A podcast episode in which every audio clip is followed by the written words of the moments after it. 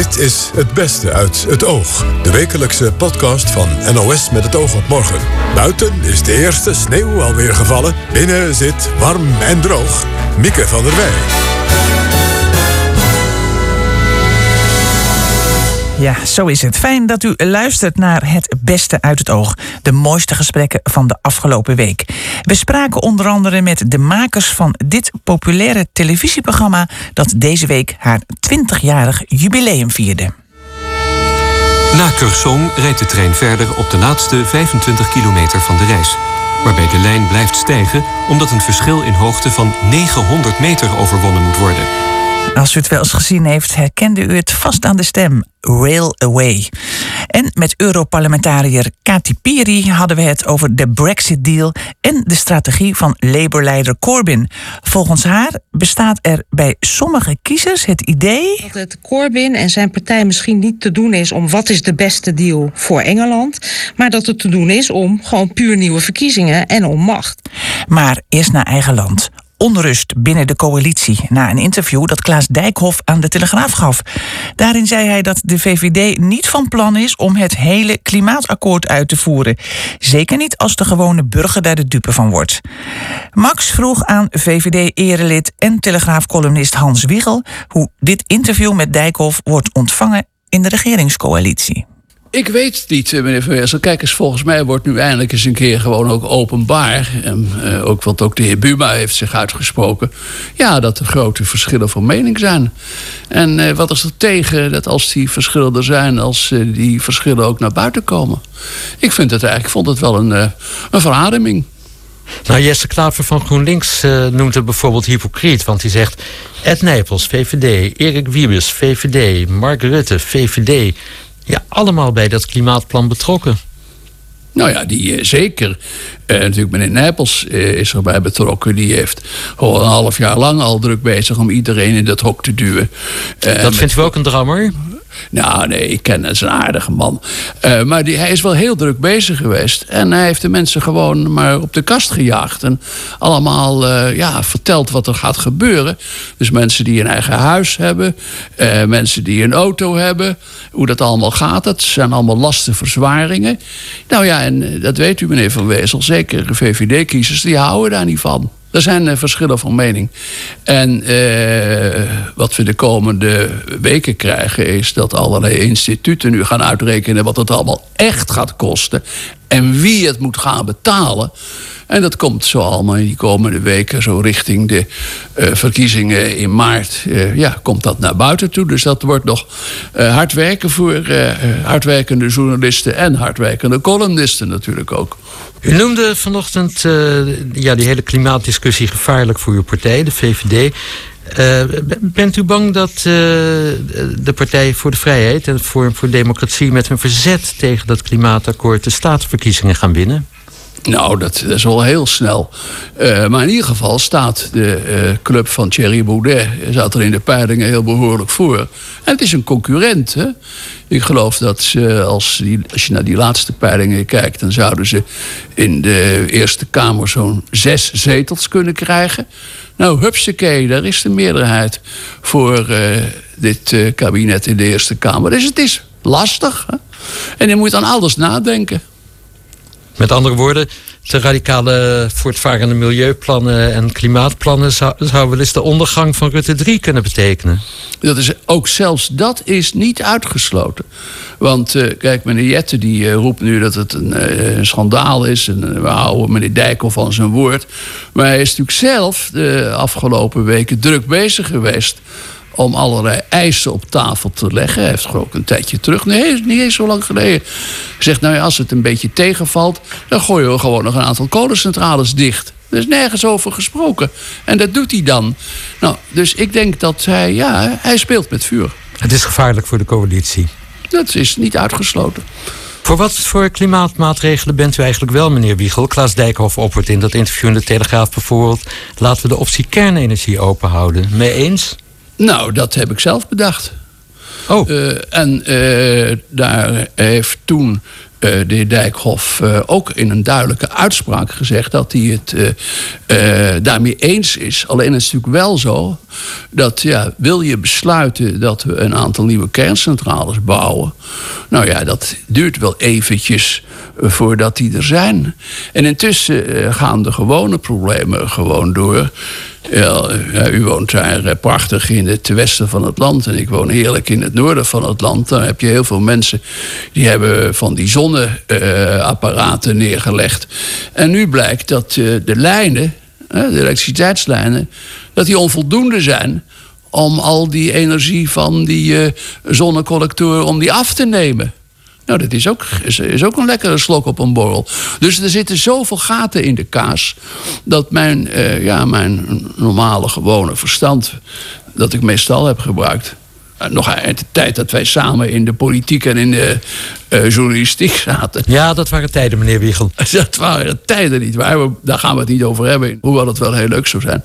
Maar er zitten heel veel gaten in de kaas. Dus laat eerst die knappe koppen maar uh, is sommetjes gaan maken.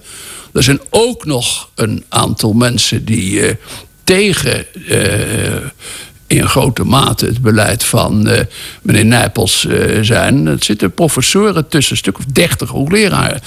Die komen niet aan boord. Maar er zijn ook hoogleraren, zelfs uh, met zeer grote namen... en uit van verschillende achtergronden... die hebben gezegd, dit plan van de politiek... dat is geen goed plan. Nou is 70% van de Nederlandse bevolking voor de klimaatwet. Die is aangenomen door de Kamer, dus bestaat best veel draagvlak voor. Wat vindt u nou dat er wel moet gebeuren? Nou, kijk eens, al die peilingen ook onder de bevolking. Ik zal er nog een hele mooie noemen. 6% vindt dat eh, belangrijk, echt belangrijk. Uh, maar heeft ook grote aarzelingen. En als je kijkt naar wat vinden mensen belangrijker dan is dat gezondheidszorg, dan uh, is dat uh, goed onderwijs, dan is dat meer en betere woningen. Dat vindt men allemaal veel belangrijker zaken. Dus ook wat dat betreft uh, kun je al die verhalen van die lieden van nu, die zo voor dat klimaatplannen, die plannen zijn, die, ja, nou, kun je van zeggen, kijk er nog eens rustig naar. Rob Jette uh, fulmineerde tegen de beroepspessimisten en beroepsconservatieven. Bent u er niet eentje van? Nou, A, ben ik uh, nooit negatief. Altijd opgewekt. niet alleen vroeger, maar ook nu, maar wel realistisch. En je moet de feiten onder ogen zien. En die hoor ik niet. En uh, wat u natuurlijk ook weet, tenminste dat kun je overal lezen, dat uh, ja, het vertrouwen in al die uh, plannen, dat vertrouwen is onder de bevolking buitengewoon laag. Blij met Klaas Dijkhoff dus? Dit is een goede, hele goede zet. Uh, hij zal natuurlijk aan worden gehouden ook door de achterban. Ik denk dat de VVD-achterban heel blij is met deze uh, interventie. En uh, ja, daar zal hij verder inhoud aan gaan geven in de komende tijd. En als hij eenmaal zegt van dit gebeurt niet en dat gebeurt niet... nou, dan denk ik dat je erop aan kunt. Ik dank u wel, meneer Wiegel. En goede nacht alvast. Hetzelfde, meneer Van Wezel. De Britse premier May overleefde een motie van wantrouwen ingediend door Labour-leider Jeremy Corbyn. Ze moet maandag met een alternatief plan komen. Kati Piri, Europarlementariër voor de Partij van de Arbeid, was de gast om te praten over de strategie van Labour. En Herman vroeg haar met welke deal Labour wel in zou kunnen stemmen. Nou, Labour heeft altijd gezegd dat zij in principe natuurlijk die uitslag van het referendum respecteren. En, uh, maar dat ze wel een softere brexit willen. En dat betekent dus in de douane-unie blijven, in de interne markt blijven. En de vraag is, als May natuurlijk stappen zet richting de eisen van Labour, of zij niet weer mensen verliest in haar eigen conservatieve partij. Ja, de, dat, dat is natuurlijk haar probleem. Uh, Corbyn heeft, uh, heeft het ook nog gehad vandaag. Hè. Die, die, die vertrouwensstemming was natuurlijk. Uh, een Frankenstein-deal. Uh, Mees kabinet is een zombie-regering. waarom schetst hij dat met die termen? Nou ja, eigenlijk als je kijkt, deze regering had uh, eigenlijk heeft zich de afgelopen jaren maar met één ding bezig gehouden. Dat is eerst de interne verdeeldheid in de conservatieve partij. Dat is überhaupt de reden waarom er een brexit-referendum was. Vervolgens met te bepalen wat dan hun positie zou zijn. En na ongeveer anderhalf jaar met proberen een deal te krijgen. Uh, Corbyn zegt, jullie hebben in jullie grootste opdracht gewoon gefaald. En als oppositieleider kan je hem natuurlijk niet kwalijk nemen dat hij dan ook zegt, daar past een motie van wantrouwen bij. Maar goed, uh, de meest conservatieve partij steunt haar wel. Uh, het laatste wat zij natuurlijk willen is nieuwe verkiezingen, waarbij Labour nu voorop loopt in de peilingen. Dus de vraag is: kan er überhaupt in dit parlement nog een meerderheid voor welke deal dan ook gevonden worden? In hoeverre spelen, spelen nieuwe verkiezingen en, en de peilingen een rol in de opstelling van Corbyn? Ja, kijk, het, het, in principe is er een meerderheid bijvoorbeeld in zijn partij, 80% van de Labour-stemmers, die zegt wij willen het liefst gewoon dat wij ons weer kunnen uitspreken in een nieuw referendum. Maar je hebt natuurlijk een aantal uh, Labour-kiesdistricten uh, waar Labour nipt heeft gewonnen, maar die kiesdistricten hebben wel voor gekozen in het referendum om uit de EU te stappen. Dat zijn kiesdistricten die cruciaal zijn voor hem als er algemene verkiezingen worden om de grootste te worden. Dus daar heeft bijvoorbeeld Corbyn uh, mee te maken. Maar wat je nu ziet in de peilingen. Labour staat al een tijdje als grootste partij in de peiling. En ze zakken de laatste dagen terug. Dus de indruk ontstaat toch kennelijk bij een aantal kiezers. dat het Corbyn en zijn partij misschien niet te doen is om wat is de beste deal voor Engeland. Maar dat het te doen is om gewoon puur nieuwe verkiezingen en om macht. En daar zie je natuurlijk toch uh, nou ja, dat dat niet iedereen even, even, evenzeer aanspreekt. En begrijpelijk. Ja, um, want het draait natuurlijk om het land, maar er spelen natuurlijk ook allerlei uh, partijpolitieke uh, opstellingen doorheen. De, hoe vindt u dat hij het doet? Want ik, ik zag hem gisteren dan en, en de, de deal wordt afgewezen door het parlement. Dan heeft hij ook even het woord. Um, dan zegt hij: morgen ga ik de vertrouwensstemming laten plaatsvinden. Hoe vindt, hij dat, hoe, hoe vindt u dat hij dat dan doet? Um, nou ja, ik, ik ben zelf niet een mega Corbyn-fan. Ik, ik Waarom vind, niet? Uh, uh, nou, hij is, hij is bij de radicale wing, uh, radicale vleugel uh, van, van de Labour-partij in Engeland, die eigenlijk altijd al een deel van de partij heeft gehad die meer eurosceptisch is. Daar hoort hij bij. Uh, vandaar dat we ook zagen in dat referendum twee jaar geleden dat hij niet volledig voor een ja-stem natuurlijk echt ook campagne heeft gevoerd. Ik denk dat hij dus ook persoonlijk lastig zou vinden om zich achter een tweede referendum te scharen. omdat hij het liefst, denk ik, persoonlijk ook gewoon voor een softere brexit gaat. Ja, maar dan los van wat hij vindt, uh, hoe hij het doet, hoe, hoe hij zo'n zo'n debat aanpakt, is het, is het een, uh, een natuurtalent? Een natuurtalent. Nou, in ieder geval heel populair bij de kiezers. En dat heeft hij ook gezien bij de laatste verkiezingen in Engeland. Dus het is zeker iemand die grote groepen mensen aanspreekt. die normaal gesproken misschien hun vertrouwen in de politiek waren verloren. Hm. Ik persoonlijk uh, had liever natuurlijk gisteren ook gezien dat hij uit durft te spreken. dat er ook een optie op tafel ligt. Dat dat de kiezers weer gaan bepalen uh, wat er nu moet gebeuren. En als dat niet via nieuwe verkiezingen kan, dan maar via een tweede referendum. Hij kiest ervoor uh, om dat voorlopig in ieder geval nog ja, in de lucht te houden.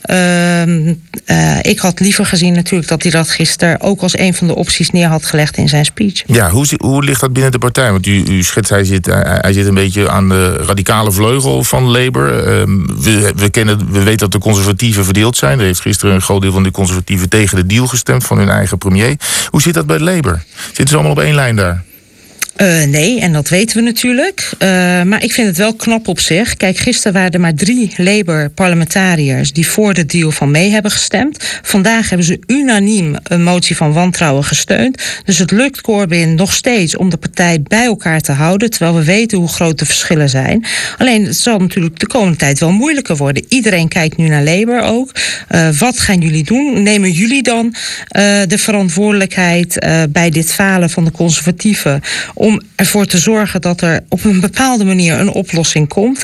Uh, en hij weet natuurlijk welke keus hij ook maakt. Ook als hij ervoor kiest om dus toch een nieuw referendum uh, uit, uh, achter een nieuw referendum te scharen, waar 80% van de Labour-kiezers Labour in principe achter staan, dat hij toch een aantal kiesdistricten met Labour-kiezers die voor nee hebben gestemd, daarmee natuurlijk nou ja, het schoffeert. dus het is ook geen makkelijke positie waarin hij verkeert. Nee, is hij bereid om of te brengen, denkt u? Om sowieso al met mee te gaan praten, want het is voor hem al blijkbaar heel erg moeilijk.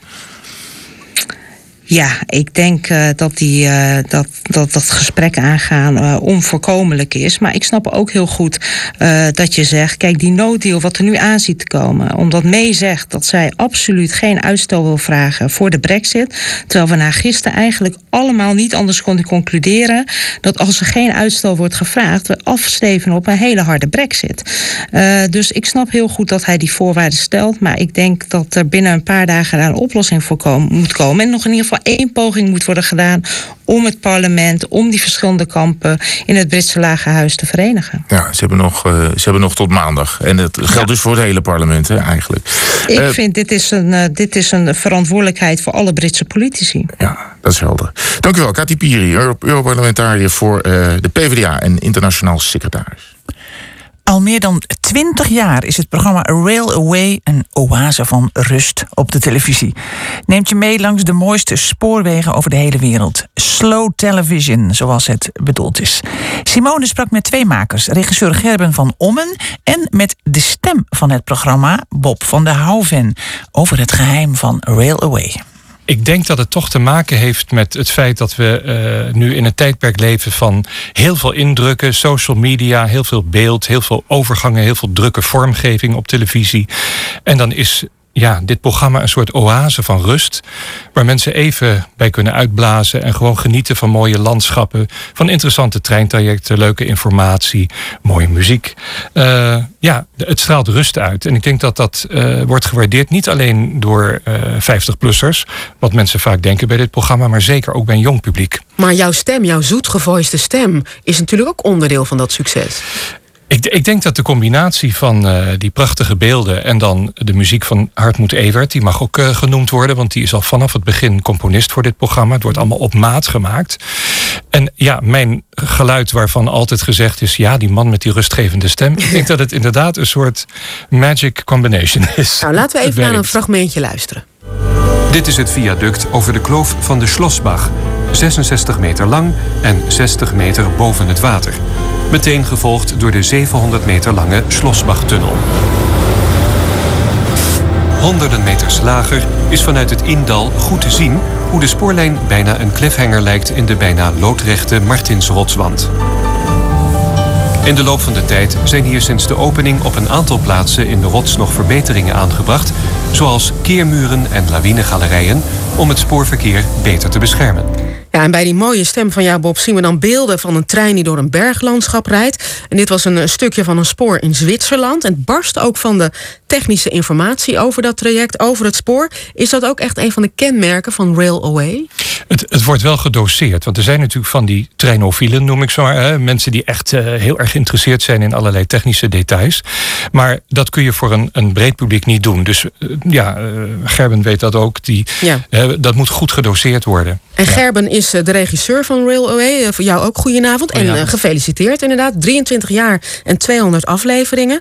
Wat is jouw favoriete traject? Oeh, uh, kijk, een route door de bergen is zo mooi. Je begint in het dal en dan ga je de bergen op. En hoe hoger je komt, hoe mooier worden je vergezichten. Ja, en ik heb dan het voorrecht om daar in de helikopter nog eens boven te hangen. Nou, dan schiet ik zelfs bijna van vol. Ja, echt zo? Zo emotioneel? Nou, de, de beelden maar, uh, selecteer ik. En dan nemen ze mee naar de studio. En dan zijn we bij de componist geweest. Die heeft hele mooie muziek gemaakt. Want elke keer als de Matterhornberg in beeld komt, dan komt dat muziekje naar voren. En dan de stem van Bob erbij. En die is soms aan het proeflezen. En dan zit ik al in het programma. Want dat is de eerste keer dat die drie dingen op zijn plek vallen. Dan vergeet hij te regisseren. En dan, dan gaat hij eigenlijk tv kijken. Want, want Bob, ga jij mee op reis? Of spreek je het allemaal achteraf in? Um, mensen zeggen wel eens tegen mij... wat heb jij een geweldige baan, al die mooie reizen ja, die, die je maakt. En dan zeg ik altijd, ja, zo spannend. Elke keer op en neer naar Hilversum om dat programma in te spreken. Nee, ik, ik ga helaas ik, ik niet proef mee. wat zuurigheid. Wat, uh... Nee, zeker niet. Want nee. ik ben ongelooflijk blij met dit programma. En ook heel erg trots erop dat ik dat al zo lang mag doen. Mm -hmm. Maar als ik dan Gerben hoor vertellen over dat in die helikopter, over die uh, bergwand uh, en noem het maar op, ja, dan word ik wel een klein beetje jaloers. Ja, snap je dat, uh, Gerben? Ja, dat snap Het zou toch leuk zijn als hij dat een keer live in die trein zou mee kunnen lezen? Nou, dat zeggen heel veel mensen tegen mij. Maar daarom nemen we een filmcamera mee en dan filmen we het en dan laten we het zien. Ah, Oké, nou goed. Jullie filmen dus over de hele wereld. Hou je bij waar er nieuwe trajecten komen? Hoe gaat dat? Word je daarover geïnformeerd? Nee, dat is gewoon, ja, dat kan, kunnen tips van mensen zijn. We krijgen heel vaak tips van mensen. Hey, heb je daar al eens gezien? Heb je dat al eens gezien? Ik heb ook een spoorkaart van Europa bijvoorbeeld. Waar net als een autoroute ook allerlei spoorroutes op staan. Met in het groen de scenic routes. Dus dan weet je al dat De er toeristische mooie- routes. Precies. Ja. En dan heb je natuurlijk Google Street View. Dan pak ik dat poppetje op en dan ga ik een eentje langs het spoor lopen. En dan ga ik eens kijken waar mooie punten zijn. Mhm. Maar ja, hoe vaker een, eh, een spoortje kronkelt, des te hoger eh, de hoogteverschillen zijn, des te meer hoogteverschillen er zijn. Dus dan zie je al vaak dat eh, dat, dat wel mooie plaatjes oplevert. En natuurlijk informeren we bij de mensen ter plaatse. En eh, ja, het is nog niet echt voorgekomen dat we ergens waren dat we dachten, hmm, dat valt nou tegen. Dus altijd wel wat moois van te maken. En ik kan me voorstellen dat je, dat je ook veel tips krijgt van al die treinofielen die de hele wereld rondreizen. Ja, ja, we krijgen heel veel suggesties van mensen. En eh, ja, het, het is gewoon, ik zeg wel eens, eh, 90% van de dingen op de wereld eh, zijn mooi en 10% zijn slecht. en die 10% die hoor je bijna alleen maar op televisie en radio. Wij zijn een programma dat je even meeneemt naar een andere wereld die ook nog echt is. Er zijn zoveel mooie dingen in de wereld. Als je die bergen ziet, als je die natuur ziet, nou, daar word je gewoon helemaal stil van. En dat kunnen wij laten zien. En dan laten we zelfs soms Bob even stil zijn. Zoals in de aflevering van vanavond. Ik geloof dat daar drie minuten lang geen tekst in zit. Maar dan krijgen we Ja, dat is uniek. Nee, ik, ik vind dat heel belangrijk. Mhm. Eh, Je moet niet een film maken en die helemaal vol laten praten. Dat is heel vermoeiend om naar te kijken. Er, er moeten echt eh, momenten zijn dat je gewoon helemaal alleen die beelden op je in kunt laten werken. En wie heeft dit ooit bedacht, dit idee? Nou, er is ooit een documentaire geweest op de Nederlandse televisie. Een Hollands spoor in Zwitserland. En dat hebben drie collega's van mij gemaakt. Harry Keunig, André Sisera en Wim van Loon. En dat ging over een eh, Nederlandse zakenman... die met zijn vrouw naar Davos ging vanwege haar ziekte... in de, in de vorige, nou, twee eeuwen terug al. En die moest weet ik hoeveel uur met de postkoets. En toen dacht die Nederlandse zakenman, dat kan anders. En die heeft een spoorbaan aangelegd. Daar is later de Retische baan uit ontstaan. Dat is de, een van de grotere spoorwegmaatschappijen van eh, Nederland. En er is een documentaire over gemaakt. En het is zo mooi te zien dat in Davos straten nog steeds Holsboerstraat heten. Dat er een standbeeld voor deze man op het eh, station staat. En dat een hele belangrijke trein naar hem genoemd is. Omdat zij hun oprichter in ere houden. En dat is dus een Nederlander. Daar is een documentaire over gemaakt. En later zijn daar series uit, nou niet uit voortgekomen. Maar die zijn wel als idee eh, voor een serie is dat geweest. Nou, laten we gewoon voor de gezelligheid nog een keer een fragmentje laten horen. Na Curzon rijdt de trein verder op de laatste 25 kilometer van de reis.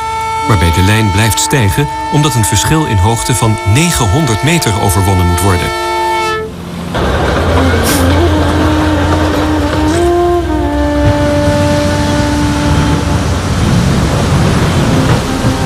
Hier wordt ook duidelijk dat in een paar minuten de omstandigheden in de bergen razendsnel kunnen veranderen. Het ene moment heb je een prachtig uitzicht, het volgende kun je door de mist nog geen 50 meter kijken. Of giet het bij een wolkbreuk van de regen. Ja, heerlijke televisie en ook een prachtige stem van Bob van der Houven. Tot slot staan wij nog even stil bij het overlijden van Han Mulder, de allereerste presentator van Met het oog op morgen. Dat was op 5 januari 1976. Bij het 40-jarig jubileum van ons programma in 2016 belde Wilfried de Jong nog even met hem. Goedenavond, meneer Mulder. Goedenavond. Heeft u de eerste uitzending eigenlijk op een bandje bewaard, cassettebandje? Nee, ook niet. Nee, ik was daar niet zo vreselijk handig in. En eh, nee, dat is eigenlijk nooit gebeurd. Je ging er ook toen al vanuit van, nou ja, eh, dat wordt, ja, iedere, iedere wind die wordt gelaten, die wordt vastgelegd. Hè? in het eh, hè, beeld en geluid. Dat heet doen nog anders misschien. Maar nee, dat heb ik dus niet. Ik zou je nog sterker vertellen, ik heb eigenlijk helemaal niets eh, be- eh, bewaard hiervan. Oké, maar, maar toch nog wel iets in het geheugen? Misschien het belangrijkste nou ja, nieuws? Het geheugen is natuurlijk wel een beetje bedriegelijk. Ja. Maar ja, ik weet er nog wel iets van. Het, eh, het was natuurlijk een heel... eh, vrij snel is dat programma in, inderdaad eh, geconstrueerd, hè, als zodanig. Het staat erbij dat ik eigenlijk een, maar een, een, ja, een week of, of, of twee misschien van tevoren dus eh, van de opzet eh, heb, eh, heb genomen. Oké. Ja, dat gold ook voor uh, autopresentatoren in die tijd. We zijn toen in een, in een, in een café in, in Bussum, bij, bij, het station, zijn we ingeroepen onder de strenge leiding van, van Kees Buurman. En daar is toch eigenlijk ja, het, het skelet van het programma neergezet. En dat is het in deze natuurlijk altijd gebleven. Ja. Han Mulder, presentator in de tijd dat het fenomeen podcast nog helemaal niet bestond en je alleen maar kon terugluisteren via een cassettebandje. Volgende week weer een beste uit het oog en mag ik onze politieke podcast, de stemming van Vullings en van Wezel, nog eens even in uw aandacht aanbevelen. Die is namelijk echt vreselijk leuk. Moet dus naar luisteren. Ik neem afscheid. Tot volgende week. Dag. Gute Nacht, Freunde. Es wird Zeit für mich zu gehen. Was ich noch zu sagen hätte, dauert eine Zigarette und ein letztes Glas im Stehen.